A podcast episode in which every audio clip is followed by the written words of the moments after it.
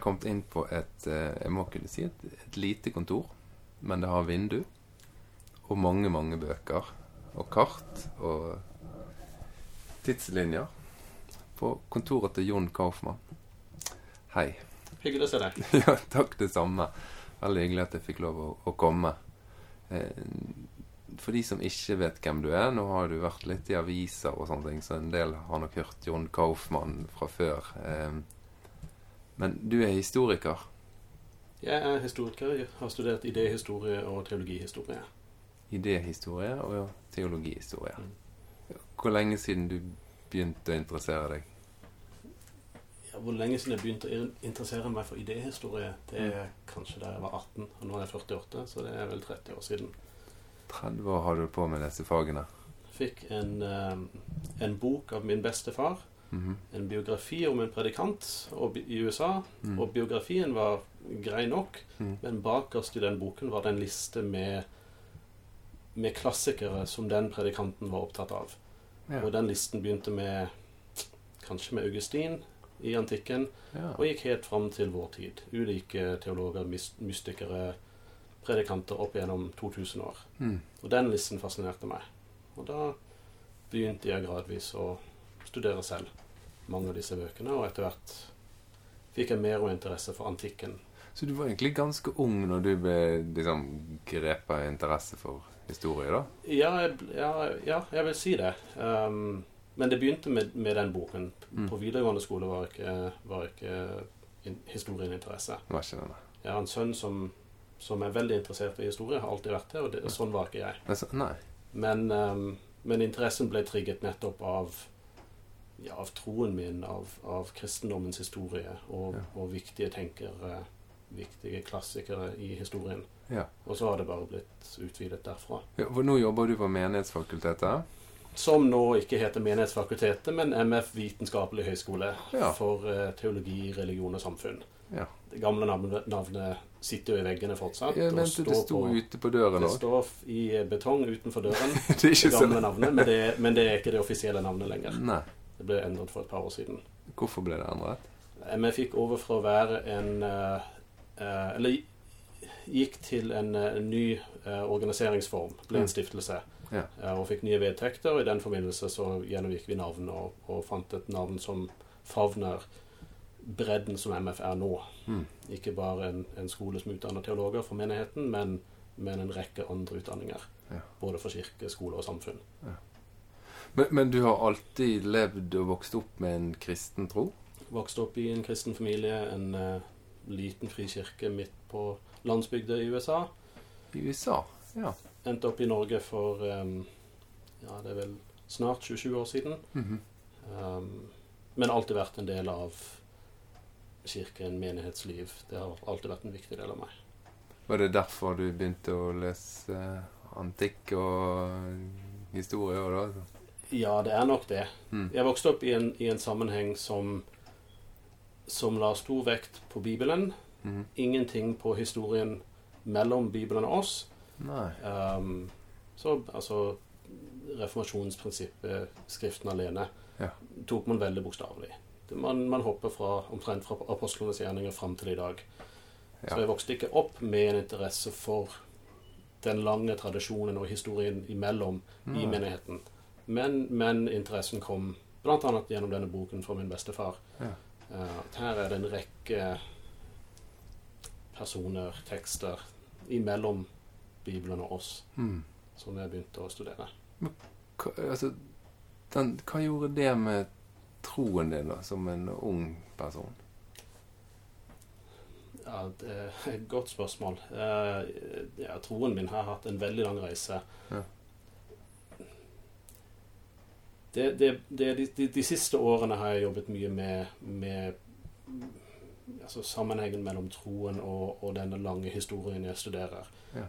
Um, spørsmål om hvordan man kan tenke hva, hva som er sant og ikke i en tradisjon, i en historie. Det, det begynte kanskje for meg allerede på X-Fill.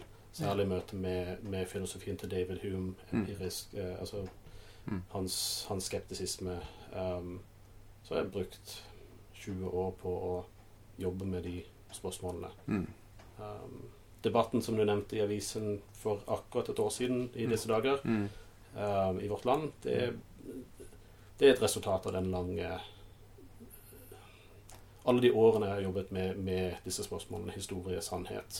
Ja. Uh, hva er egentlig kristendommen for noe? Ja, og, og for de som ikke har lest den eller hørt den, så i korte trekk så var jo det at eh, Det som vi tar som en selvfølgelighet at det er kristen lære i dag, det var ikke nødvendigvis at det skulle bli akkurat sånn.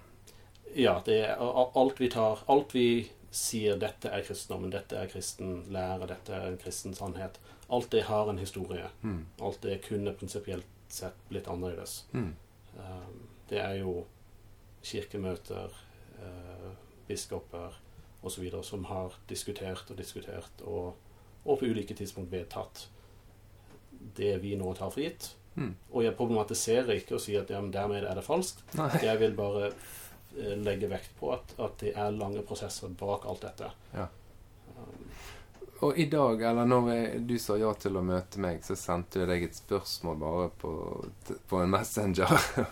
om, om det var mulig å få prate med deg om hvordan Om du kan si noe om hvordan den kristne troen gikk fra å være en sånn hva si, En tjenende Vi har en Jesus som vasker føtter og sier at det er forbilledlig. Eh, og så ble jo det en enorm politisk makt det å være kristen etter noen hundre år. Og, fremdeles kjenner jeg at jeg strever litt med den å kunne forholde meg til, til troen, da. Når den har blitt så annerledes enn det som man kanskje var i utgangspunktet. Nå er ikke jeg her for at du skal på en måte hjelpe meg i min eh, trosreise, men eh, men jeg, kan du si noe om den tidlige kristne historien, og hvordan den ble til en politisk makt? Går det an å si det? ja, sånne samtaler er jo med å hjelpe både meg og deg i, tro, i trosreisen, og, og kanskje flere. Mm. Um, det første jeg vil si, er jo at kristendommen har blitt mange ting. Mye forskjellig. Mm. Den tjenende bevegelsen Kristus vasker føttene Mm. på sine, sine venner, sine disipler. Mm. Um, man tar seg av de fattige, Mm. uh, av de foreldreløse, av Mm. enkene. Mm. Um, man hjelper de, de sultne. Det er jo også fortsatt kristendommen. Mm. Selv om Selv om denne religionen har blitt en maktfaktor, er verdens største religion med, med over to milliarder medlemmer, Mm. Eller troende tilhørende, eh, selv om den er innblandet i politikk på mange ulike måter, Mm. makt og politikk, Mm. så er den også det, det samme. Eller den, eh, denne tjenende eh, bevegelsen. Mm. Så det, det vil jeg holde for øye. Og samtidig, ja, det, det er et, en ironi, et, et, en, en merkelig ting å se hvordan denne lille bevegelsen, som begynner med Jesus og noen få i, eh, i Judea, Palestina, Israel, Mm. hvordan den blir Romerrikets største eh, og etter hvert eneste mulige religion. Mm. Eh, statsreligion. Hvordan den preger hele den europeiske middelalderen. Mm. eh, blir en kulturfaktor. Fortsetter som minoritet i andre verdensdeler, Mm. eh, både Asia og Afrika, Mm. gjennom alle disse århundrene, men særlig Europa eh, blir en, en så mektig institusjon. Det er en, en ironi. Ja. Jeg vet ikke om det er mulig å forklare det, eller og jeg vet ikke om det er mulig å si noe så mye fornuftig om det på så kort tid, men er Men, går det an å si noe fra, fra starten av? Hvorfor i all verden han blir, voks, vokser så fort i Rom og Mm. Romerriket? Den, eh, den vokser veldig sakte i starten. Ja. Um, men det er særlig fra ja, fra 250 og inn på 300-tallet at, at veksten stiger. Eh, man må snakke om eksponentiell vekst, og det, det er vi vant med nå i koronatiden. Å Mm. se sånne kurver som, kurver som er litt flate, og så skyter de plutselig fart. Og det er en slik kurve man må se for seg i de første 400 årene. eh, så lang tid? At det, det er utrolig vanskelig å beregne både befolkning og antall tilhørende til ulike grupperinger i antikken. Vi har, vi har dårlig kildegrunnlag, men, Mm. men det er noen som har gjort noen forsøk. Mm. Uh, og det siste er fra en, fra en bok fra 2018 Mm. av en som heter Bart Ehrman, Uh, 'The Triumph of Christianity'. -hmm. Uh, hvor han i en, et appendix til slutt prøver å beregne. Og da ser vi en, um, en vekst hvor de kristne kanskje utgjør 1% av Romerrikets befolkning år 250. 1 1 I en, eh, et rike på ca. 60 millioner. Så 200 år etter Paulus, Ja. ca. år 250, Ja. så er de kanskje 1% av befolkningen. Er det sant? 50 år senere, og, og da tar disse med en klype salt, men, Ja. men det er et, et godt forsøk på å regne dette ut. Mm. Rundt år 300 Mm. er de kanskje opp i 5-6 Mm. av Romerrikets befolkning. Mm. Og på slutten av 300-tallet er de kommet opp i 50% Så Ja. i løpet av en hundreårsperiode går de kanskje fra 1% til 50 Det er og, og da snakker vi om en, en kurve som plutselig skyter. Ja, det er eksplosjon. Og på slutten av den perioden da, så har kristendommen blitt Romerrikets offisielle religion. Og, og hvordan man definerer det En måte å definere det på er å si at på starten av 300-tallet Mm. så er det påbudt i en periode å ofre til de romerske gudene Mm. eh, overalt i riket. Mhm. De kristne blir forfulgt fordi mange av de nekter å ofre til de romerske gudene. Ja. Og ofre på vegne av keiseren. Ja. Ca. 80 år senere er det forbudt å ofre til de romerske gudene. Så fra påbud for å ofre til de romerske gudene til et forbud mot i løpet av 80 år. Ja. Og da det altså en, en generasjon eller to har dødd, og så er det en helt ny verden de lever i. Mm. Man kan snakke om at dette er et, et slags forfall. Det er mange som ser på dette som det store fallet i kristendommens historie. Ja. Oi, man har gått fra å være denne minoriteten som identifiserer seg som forfulgt, Mm. til å være statens religion. Mm. Um, dette begynner med, med Konstantin på 300-tallet, som, tidlig 300-tallet, som blir kristen. Da må vi spørre hvordan definerer vi hva en kristen er. Mm. Men han, han tilslutter seg den kristne troen. Ja. Og sier at det er den kristne guden som har gitt han seier i sine kriger. Ja. Um, og da, når, når han Når keiseren blir kristen, så er det Altså i hvert fall kildene vi har, Mm. så, så jubler de kristne. Ja. Vi har fått keiseren på vår side. Eh, Da, nå, nå er det slutt med forfølgelsen som har vært Ja. i, i ca. ti år Mm. i hvert fall noen deler av riket i en tiårsperiode. Um, Kristne er på, er på vår side. Dette er selvsagt Gud som, som har stått bak. Det hadde jeg òg tenkt. Sant? Og det hadde vi tenkt i dag. Mange steder i verden tenker man i dag, det i dag.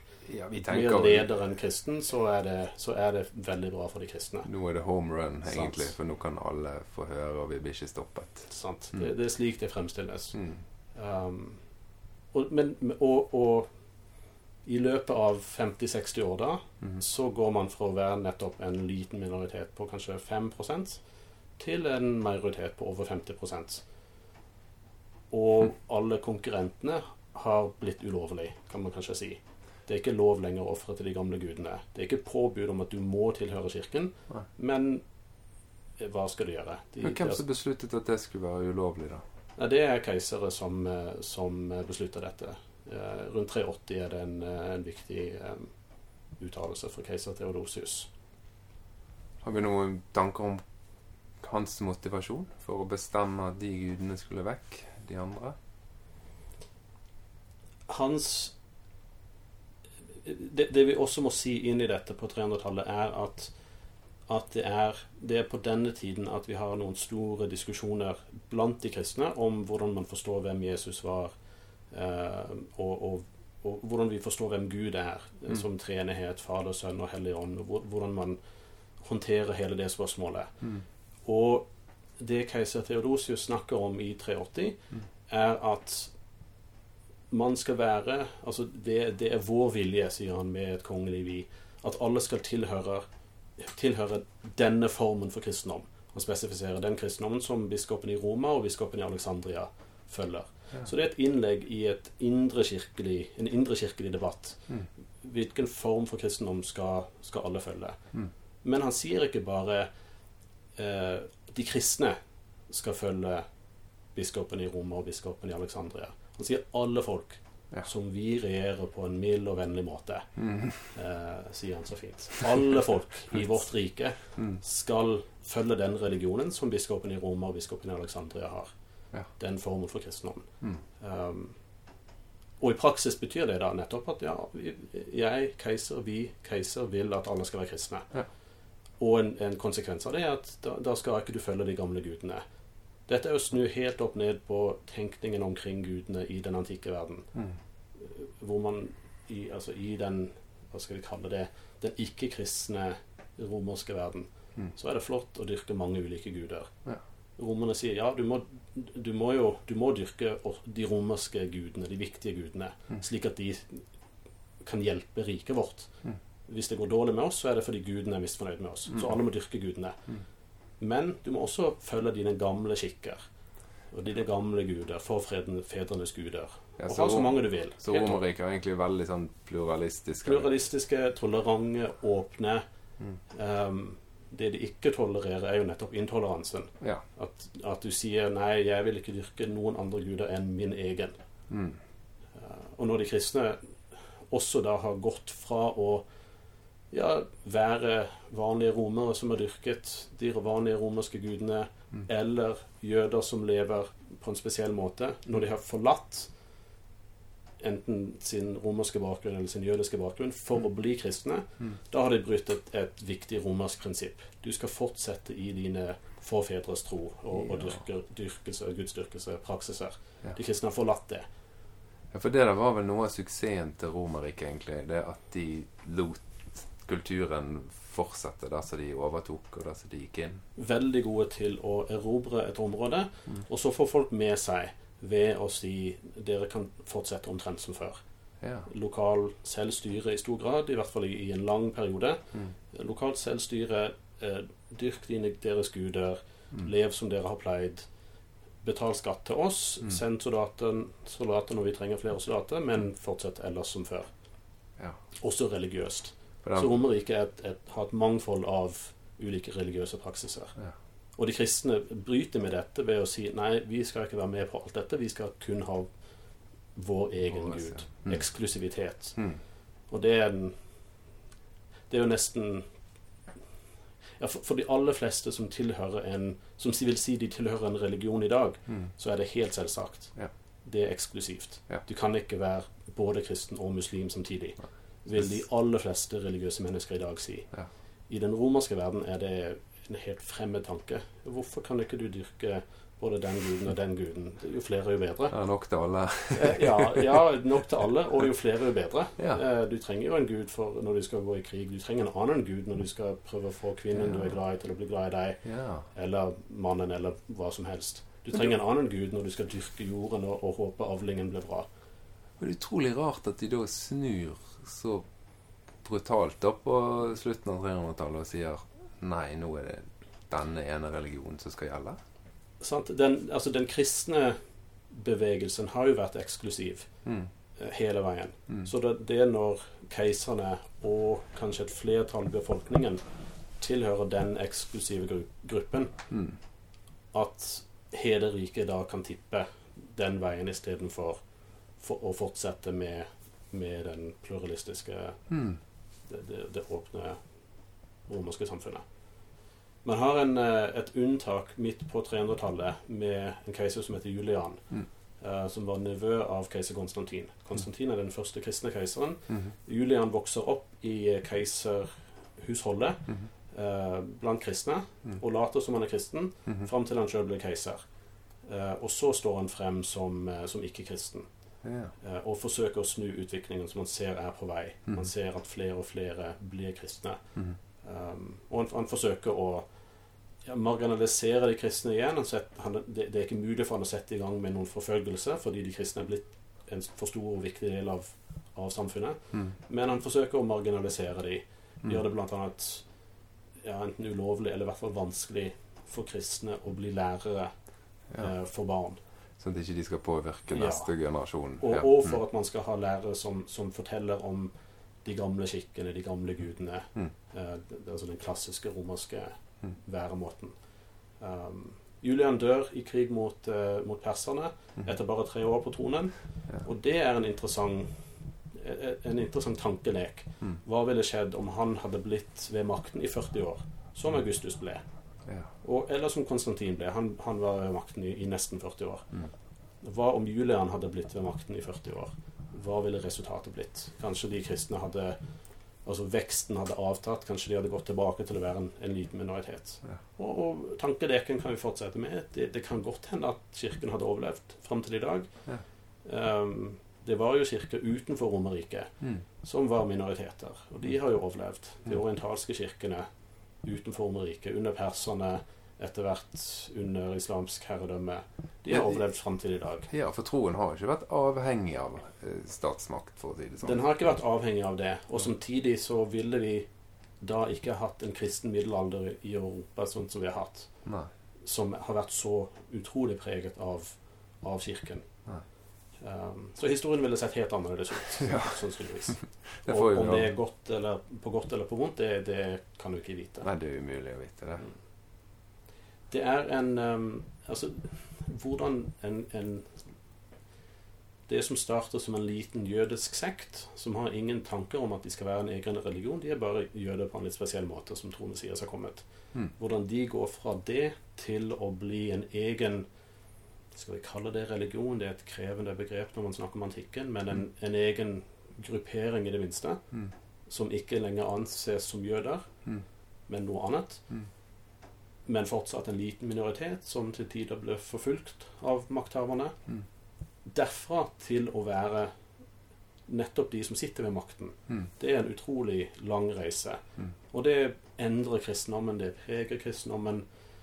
Um, en trist ironi ligger det i det at at det har vært en viktig del av den kristne identiteten. At de blir forfulgt Mm. av romerne. Mm.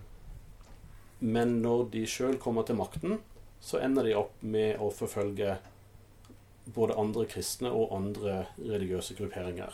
Ja, kristne som hadde andre teologiske ståsted. Ja, altså De Mm. man definerer som kjettere, de som man definerer som Ja, de tar feil i teologiske spørsmål. Ja. Um, og, og, og hele definisjonen av hva som er en kjetter, og, og hvem som tar feil, det er en altså, kjempe, kjempesvær diskusjon. Mm. Og det, det handler både om teologi, om, om kultur, om språk. Veldig mye forskjellig. Men de kristne som sitter ved makten, blir da nettopp folk som forfølger andre, Mm. slik de sjøl ble forfulgt 100-200 år Ja, tidligere. det er jo på sånn historisk sett en ganske kort tid, ikke det? 150 år, så går du fra å være forfulgt til å forfølge. Mm. Kan du si noe om motivasjonen for det? Altså, Motivasjonen er jo, er jo sannhet eh, og frelse. Hvis det å være en del av den riktige kirken mm. er det som må til for at man skal bli frelst, hva nå det skal bety, om det Mm. betyr å komme til himmelen, om på en eller annen måte definerer man at dette er et gode Mm. som vi trenger. Mm. Og måten du får tak i dette, er å være en del av den riktige kirken, den som forvalter sannheten. Mm. Så er det veldig lett å tenke at de som ikke er med her, Mm. i denne sosiale gruppen som forvalter sannheten, de tar feil, og de må vi bekjempe, fordi de, de ødelegger. Ja. Eh, altså en kjetter som, eh, som leder folk bort fra den sanne kirken, den ødelegger.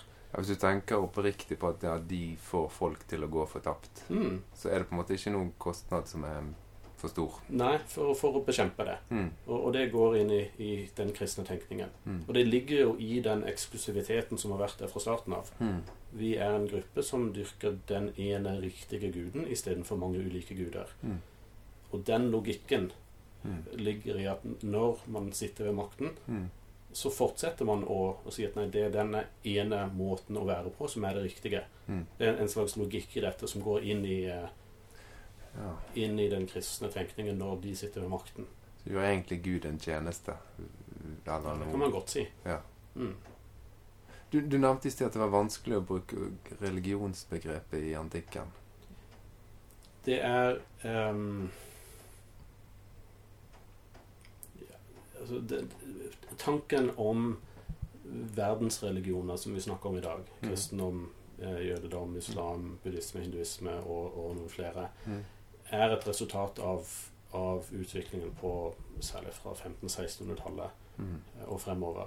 Eh, En lang diskusjon om, om altså religioner som slike eksklusive pakker.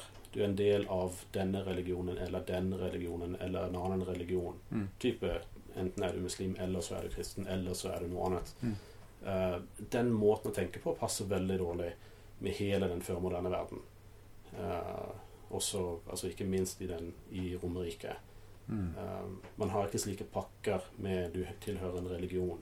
Um, vi har en kollega her på MF, kanskje du skal ha en uh, podkast med han. Brent uh, Nongbri heter han, Ja. amerikaner, som har skrevet en bok som heter 'Before Religion'. Om Ja. religionsbegrepet i den antikke verden, eller i, den førmoderne verden, før Ja. 1500-1600-tallet. Ja. Uh, og hvor krevende det begrepet er å bruke om ja, det vi kaller førmoderne samfunn. Ja.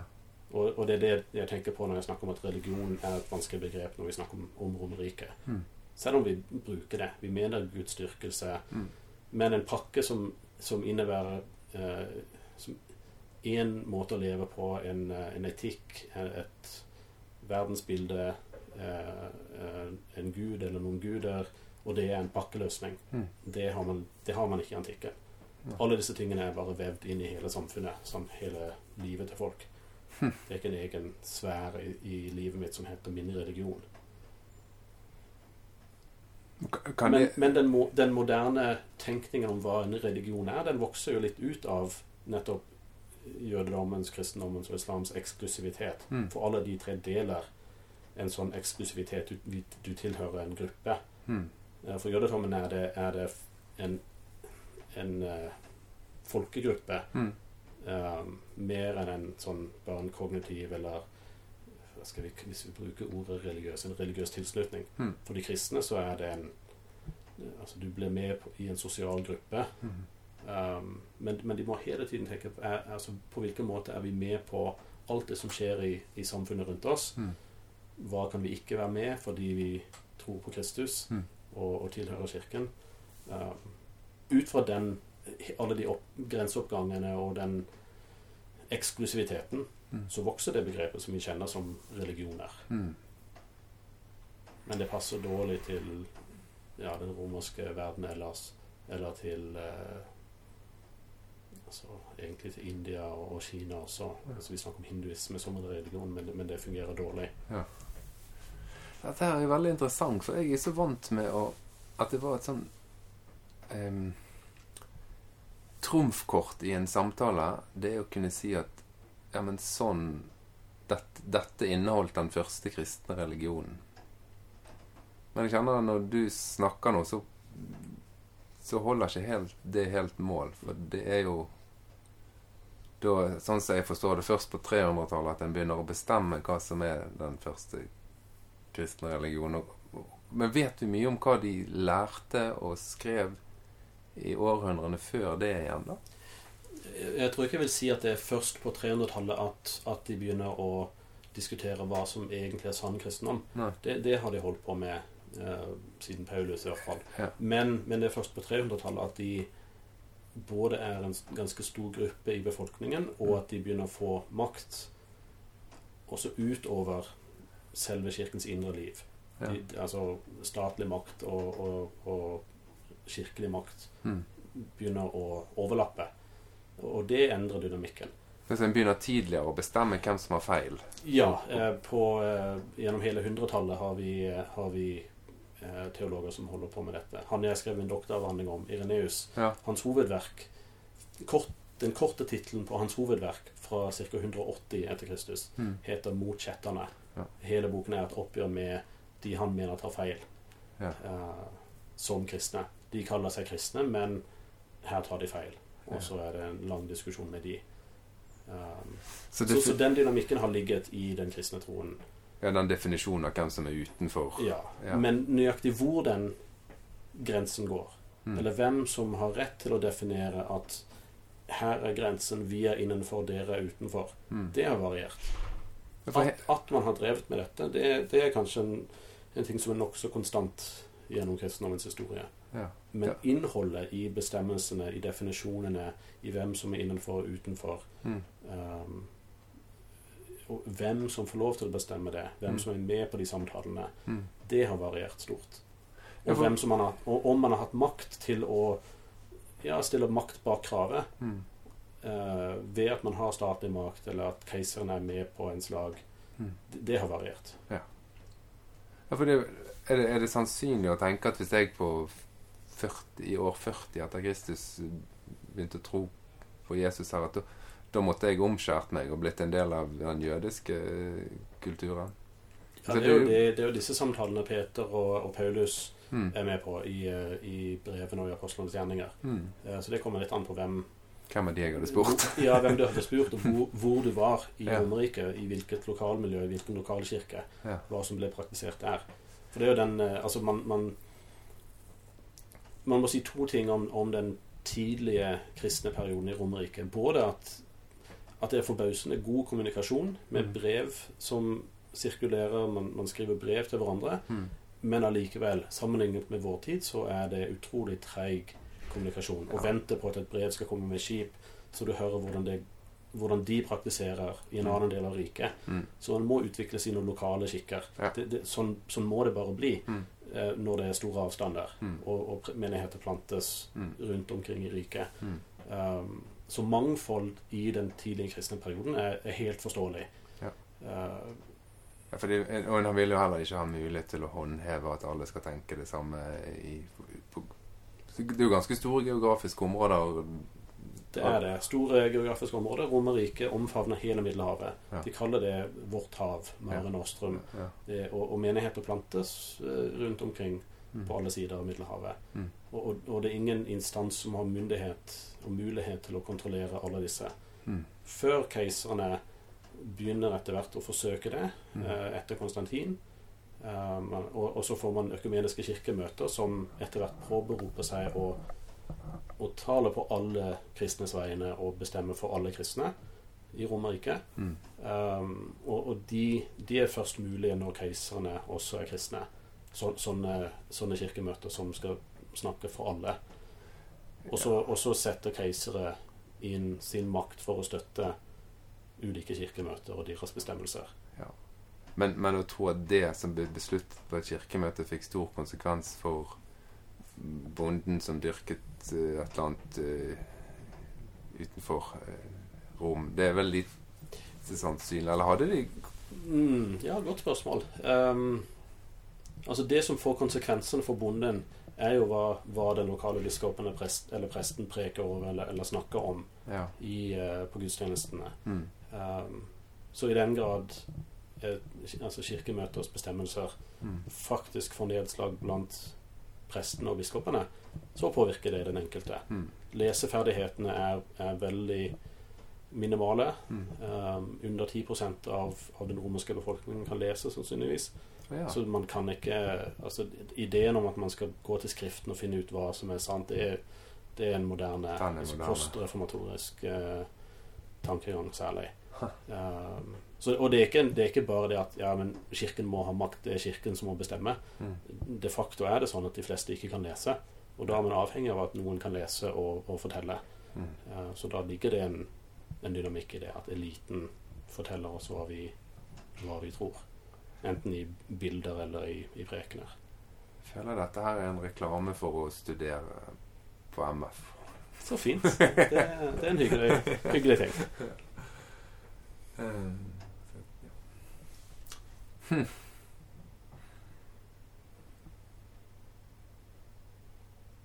Du spør om ting som jeg har undervist om i mange år, så det er veldig gøy å, Ja. å eh, få satt det inn i litt nye, nye settinger, nye spørsmålsstillinger. Jeg det er veldig interessant, for vi jeg, jeg, jeg har begynt denne podkasten, som jeg har sagt til deg. Jeg, jeg har skjønt på noen og en del av de som jeg får tilbakemeldinger fra, at den har på en måte måttet fjerne seg litt fra Bibelen og bare være i kirken sin som en sånn mer kulturell og sosial eh, sammenheng. Um, For den, disse argumentene med at men sånn er den opprinnelige kristendommen, og dette trodde de, og dette må du tro, den er litt vanskelig i 2020. Den er vanskelig i 2020, og den er vanskelig for en som jobber faglig med den første kristne tiden. Mm. Nettopp fordi den er mangfoldig. Med en gang man spør hva trodde de første kristne, Mm. eller hva praktiserte de første kristne, Mm. så må neste spørsmål alltid bli ja, nøyaktig når snakker vi? I hvilken del av riket? Hvem er det du egentlig snakker om? Hvilken gruppering? Mm. Eh, og det er ikke sånn at de ja, det, det er masse motstridende grupperinger som er sinte på hverandre. Nei. Det er bare mangfold, variasjon. Mm. Jeg, jeg pleier å, å illustrere det i, i forelesningene mine ved å ved å se utover i salen og se ok, hvor mange er det som har en rød skjorte på seg i dag. Mm. Hvor mange har noe blått på seg. Mm. Det, det er naturlig variasjon Mm. med en gang du har flere enn én en eller to mennesker. Mm. Eh, Da, da er det variasjon. Og, og slik er også den kristne tiden. Og særlig når man ikke har eh, kommunikasjon som vi har i dag. Mm. Eh, umiddelbar kommunikasjon eh, digitalt. Når man ikke har det, og, og man må ta noen avgjørelser, eller ting bare vokser i ulike retninger, så er det mangfold. Og av og til får det store utslag, av og til er det ubetydelige ting. Mm. Um, så den tidlige kristne troen finnes ikke. men tenker du at defineringen av den tidlige kristne troen som som da begynte etter hvert, det er hovedsakelig makt, politisk maktmotivasjoner som ligger bak? Nei, det, det tror jeg ikke. Og det er det, det jeg eh, var inne på litt tidligere. Altså, for, for mange oppleves noen spørsmål som viktigere enn andre. Mm. Ja, dette, dette er helt avgjørende for om jeg tenker at, at ja, enten at Gud er med oss, eh, vi går på tvers av det Gud vil, da er det et problem. Mm. Eller er det et frelsesspørsmål? Um, så så noen, noen ting På noen områder oppstår det uenighet hvor kanskje bare naturlig, Mm. naturlig variasjon, Mm. men hvor noen vil da si nei, der, der gikk en gruppe eller en teolog eller en, en tekst over en grense. Mm. Men før man har gått over den grensen, så er det ikke alltid så lett å vite når, hvor den grensen er. Ja. Uh, så, så- sånne spørsmål som Altså, vi, vi kan si ja, Jesus, um, Jesus ble født av en jomfru, som eh, Det nye testamentet snakker om. Greit nok. Mm. Uh, han er på en eller annen måte Guds sønn, som Det nye testamentet snakker om. Mm. Ok, Men hva i all verden, all verden innebærer det? Eh, så kommer det en rekke spørsmål man egentlig, egentlig må snakke om. Mm. Eh, og, og hvis det pågår mange ulike samtaler parallelt Mm. om disse spørsmålene, ulike steder i riket Mm. Borte i Spania er det en menighet som snakker om dette, og, Mm. og nede i Egypt, og oppe Mm. i Syria, Ja. i Hellas. Mm. Så er det helt naturlig at de, de kommer fram til litt ulike svar, Ja. og det er kanskje helt ufarlig. ja. Men, men, men kanskje tenker man Man tenker kanskje på et tidspunkt at vi, vi må, alle må bli enige. At det er egentlig sånn vi må tenke, eller det er egentlig sånn vi må tenke. Og hvis, hvis man har tre-fire forskjellige svar Ja, nei, Jesus han ble, han ble Guds sønn ved dåpen. Uh, han var ikke det fra evighet av. Eller jo, han var det fra evighet av. Mm. det, det er to ganske ulike tanker. Mm. Kanskje vi må bli enige om, om hva vi egentlig mener. Men det er jo egentlig spørsmål som er nærmest umulig å bli enige om. Helt klart. Uh, men, men når man Altså, det pågår sånne samtaler gjennom hele 100-200-tallet Ja. uten at noen har noe politisk makt til å håndheve. Ja, Så da er det overbevisningskraften. Det er den, altså retorikken, den som kan skrive best, snakke best for seg, Mm. eller den som, kan, den som kan få folk med seg. Mm. Det er det som gjelder. Mm. Dynamikken som endres på 300-tallet, er at Mm. keiseren stepper inn. Mm. Keiseren innkaller til det store kirkemøtet i Nikea i 325 Mm. den nye kristne keiseren Konstantin. Mm. Um, og han deltar aktivt i samtalene. Mm. Og det virker som han i starten ikke helt skjønner, ikke, ikke skjønner nyansene. Nei, Men så, men, så, men så skjønner han kanskje litt etter hvert, og så Mm. foreslår han noen grep. Ja. Uh, og, når, og, så, og så blir det svaret på et bestemt spørsmål Mm. i 325. Mm. Og så kan keisere fremover håndheve det og sende folk i eksil, altså prester og biskoper særlig, Ja, ja. Hvis, de, hvis de motsetter seg kirkemøtets vedtak, så kan de sendes i eksil Mm. ut av riket. Eller, altså Keiseren kan håndheve dette. da Mm. Og det er en ny dynamikk som oppstår eh, på tre og, og inn i 400-tallet. Ja, for nå, var, nå vet du, Jeg har jo ikke veldig greie på det, men jeg var og snakket med jød, forstanderen i det jødiske eller mosaiske trossamfunnet her. Og han sa jo det at vi dyrker uenighetsfellesskap. Det er et ekstremt fint ord. Veldig hyggelig for min kollega her på MF, eh, em, Lars Ler Iversen, som har, som har laget det begrepet. Skrevet det det, en bok som heter 'Uenighetsfellesskap'. Ja, for, Eh, på, skrevet det på norsk. eh, Fin bok. Eh, men det, det er jo en veldig fin tanke. Jeg har veldig sans for det. Mm. Både som moderne sosiologisk og tenker at kanskje vi skal dyrke uenighetsfellesskapet. mm, også når jeg ser på den kristne tradisjonen. mm, Men slik har ikke den kristne tradisjonen vært tradisjonelt sett. Den har ikke dyrket uenigheten stort sett. nei. Den har forsøkt å bli enig om ting. Og det, men det mener du at han har gjort hele veien? Altså, Jeg mener at man Ja, man ser det Det, det, er det, det er veldig tilbakeholden med, med å si at sånn har det alltid vært. Ja. Om noe som helst. Men, Ja. men kanskje, kanskje jeg vil si det her at, at den mest vanlige tendensen i kristendommens historie har vært å, å forsøke å bli enige om ting. mm, Og det nød- innebærer med nødvendighet at man tegner opp noen grenser, noen linjer. mm, Innenfor dette mm, er det riktige, det rette, det ortodokse. Og hvis man gjør det, så har man med nødvendighet tegnet opp noen ting som er utenfor. Mm. Utenfor de grensene, utenfor de linjene, som er feil. Mm. Um, og så kommer det an på hvor viktig man tenker at de Altså selve den saken er. mm, Uh, om man kan leve med at, at de grensene mellom rett og galt, ortodoks og kjettersk eller ikke-ortodoks Altså hvor sterke de linjene må være. mm, Er de absolutte? mm. Og alle som er utenfor? Nei, de kan ikke engang kalles kristne. Eller er de ganske tynne linjer? Mm.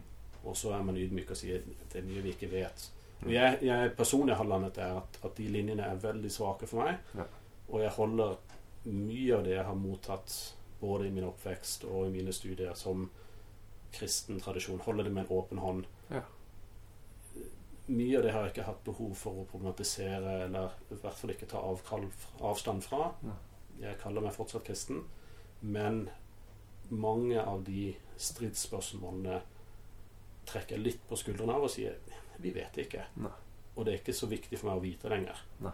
Og så tilhører jeg Den norske kirke og, og syns det er greit. Ja. Men har ikke behov for å slåss noe særlig om hva som er sann kristendom eller ikke sann kristendom. Du, Dette var jo en perfekt avslutning på en eh, veldig interessant podkast. Tusen takk for at du eh, tok tiden og slapp meg inn på kontoret ditt. Bare hyggelig. Vi snakkes nok igjen. Vi snakkes. Og idet jeg skulle reise meg og gå fra kontoret, så nevner John tre store saker som var virkelig definerende diskusjoner og debatter blant de første kristne. Og da tenkte jeg jeg må bare spørre. John, kan vi ta en episode til der du legger ut og forklarer meg de tre viktigste debattene, eller de tre store debattene som ble helt definerende for den kristne troen de første hundre årene? Og da ble det en episode til. Og den får du høre neste fredag klokken 07.00 på Tor, håp og ærlighet. Så hvis du lurer på hvordan eh, Jesus ble Gud, og hvordan eh, treenigheten ble bestemt, Tor, håp og ærlighet er stedet.